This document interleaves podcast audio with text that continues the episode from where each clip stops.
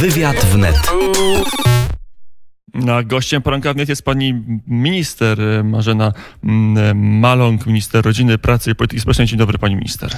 Dzień dobry, witam bardzo serdecznie. No to na początek do, jako do ministra rodziny, pracy i polityki społecznej e, pytanie o to, co mówił wczoraj kandydat na prezydenta Platformy Obywatelskiej na e, wrocławskim rynku, podkreślając między innymi takie oto dane, że dzisiaj mamy milion osób bezrobotnych w domyśle, które utraciły pracę w wyniku koronakryzysu.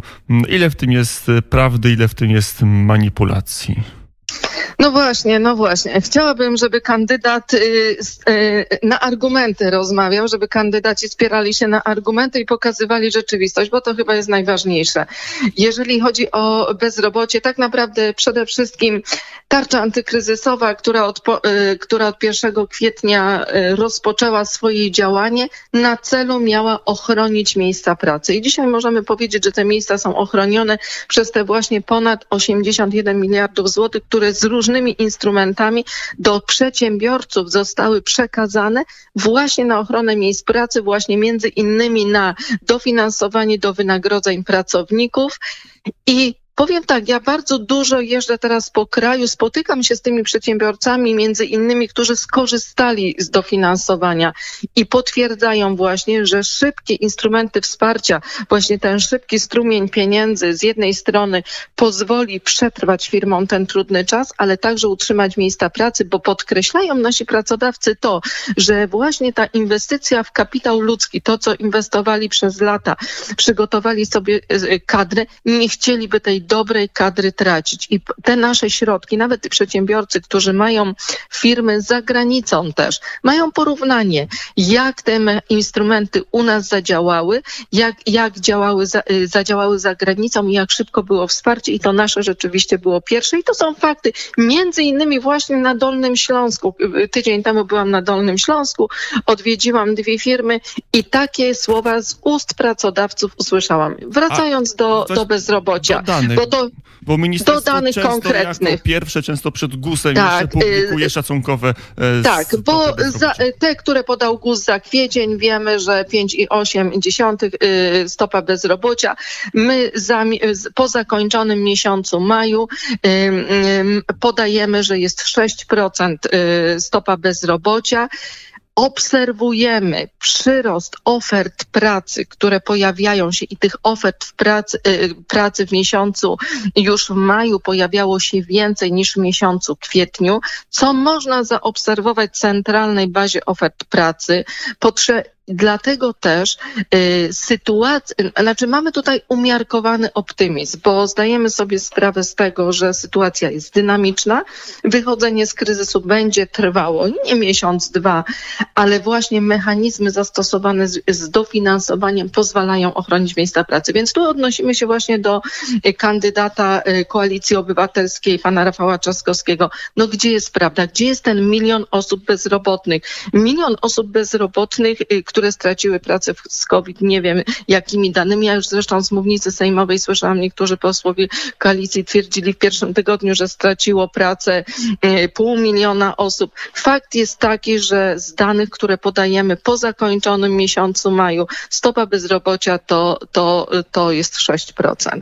E, czyli w liczbach bezwzględnych, pani minister, jak to się kształtuje? W, w liczbach bezwzględnych, jeżeli byśmy to chcieli pokazać, to, to będzie milion, y, milion 11 15 tysięcy osób bezrobotnych, w czyli w całości. W ogóle, w ogóle, tak, wszystkich osób bezrobotnych z prawem i bez prawa do zasiłków, ale nie tych, które, które, którzy stracili pracę po 15 marca, tylko w ogóle wszystkich osób bezrobotnych. Mm, warto przypomnieć, kiedy Platforma oddawała władzę, było e, grubo ponad półtora miliona osób zarejestrowanych w urzędach pracy, a kiedy ministrem był Rafał Trzaskowski, e, ministrem cyfryzacji, to ten wskaźnik oscylował około dwóch milionów osób pozbawionych zatrudnienia i pobierających świadczenia z Urzędu Pracy. Pani Marlena Maląg, minister rodziny, pracy i polityki społecznej jest gościem Radia Wnet. Pani minister, kwestia co będzie potem, bo już ekonomiści wskazują, że dopóki działają instrumenty rządowe, dopóty kryzys nie będzie głęboki, kłopot się zacznie wówczas, kiedy te, ta, ta pomoc się skończy, kiedy przyjdzie jesień, skończy się pieniądze od rządu, od PFR-u, a jeszcze gospodarka nie będzie rozkręcona i dopiero wtedy nastąpi fala zwolnień. Y, to znaczy tak, y, y, jeżeli zabezpieczymy, zabezpieczymy firmy, bo my cały czas monitorujemy tą sytuację, rozmawiamy też i, i z, z, firmami. Jeżeli firmy będą odpowiednio zabezpieczone, zaczną od, odmrażać się, zacznie gospodarka, jest przede wszystkim wskazują dane, że ta sytuacja, właśnie ten umiarkowany optymizm. Tutaj oczywiście też cały czas, cały czas jest bardzo ważne, w jakim tempie też będzie od, otwierała się gospodarka europejska, od której w pewien sposób niektóre nasze firmy są uzależnione. Ale właśnie tak jak powiedziałam, y, firmy zaczynają nabierać y, oddechu i to wsparcie właśnie, to szerokie wsparcie, to jest bardzo szerokie wsparcie, to, bo przecież porównajmy już na chwilę obecną ponad 81 miliardów złotych przekazanych właśnie y, z wszystkich tych tarcz funkcjonujących, to tak naprawdę w porównaniu do budżetu naszego państwa państwa ponad 450 miliardów złotych są potężne pieniądze.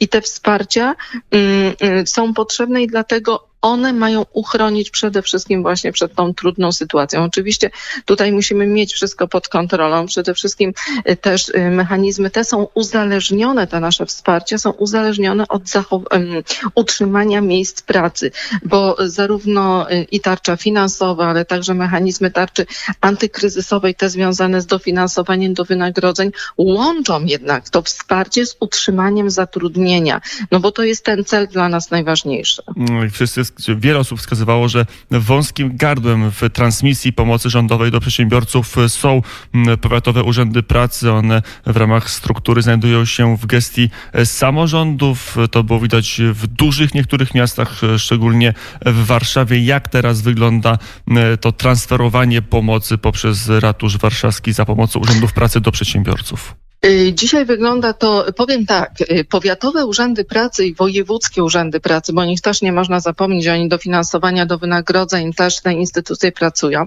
Te instytucje tak naprawdę to są te jednostki, które powinny realizować pomoc, y, wsparcie związane właśnie z rynkiem pracy, szeroko rozumianym rynkiem pracy.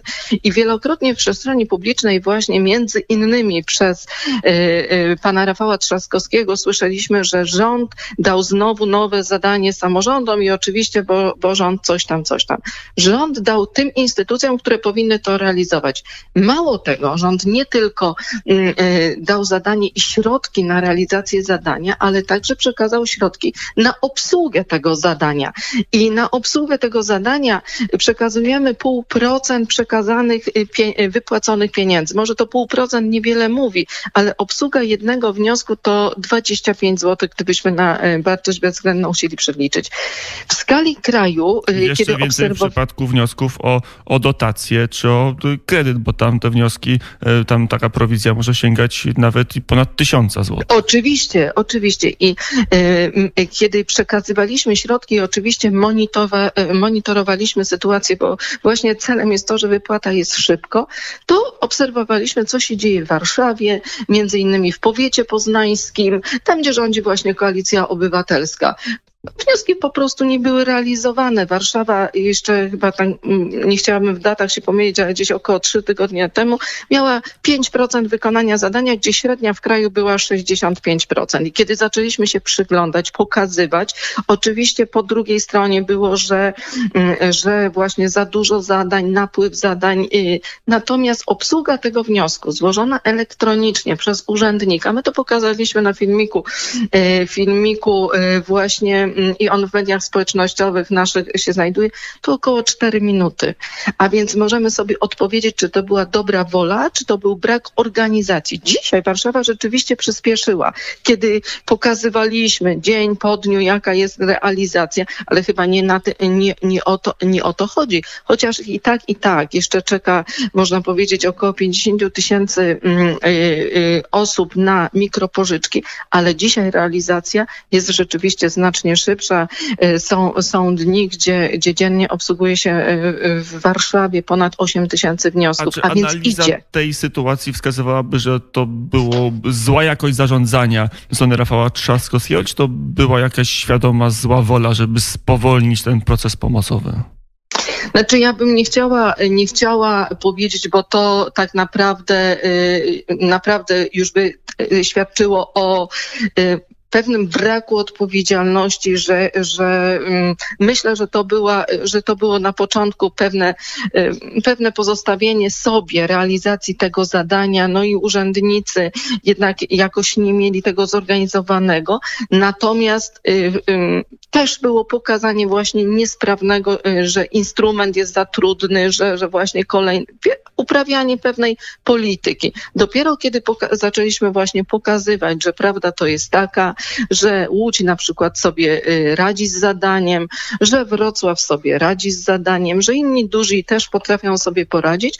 Mm, rzeczywiście trzeba dzisiaj przyznać, że Warszawa przyspieszyła, ale to przyspieszenie jednak, bo musimy widzieć tą drugą stronę, że to początkowe spowolnienie spowodowało, że dzisiaj jeszcze, jeszcze y, bardzo dużo przedsiębiorców czeka. Ale ja liczę na to, że, że jednak to zadanie będzie wykonane y, właściwie i już za kilka dni możemy powiedzieć, że, że na bieżąco Warszawa i chciałabym dla dobra naszych przedsiębiorców, chciałabym, żeby tak rzeczywiście było, bo dzisiaj obserwujemy w kraju realizację zadania przez powiatowe urzędy pracy w większości na bieżąco obsługę tych wniosków.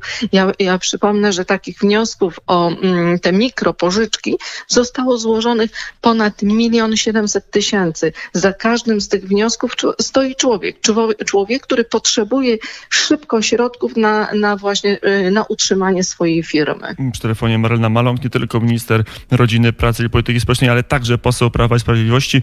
E, pani minister, pani poseł, premier Mateusz Morawiecki powiedział, że jeżeli Andrzej Duda nie uzyska reelekcji, to on nie wyobraża sobie skutecznego dalszego reformowania kraju. Na ile dla rządu wybory, które się odbędą 28 czerwca i prawdopodobnie druga tura 13 lipca są istotne?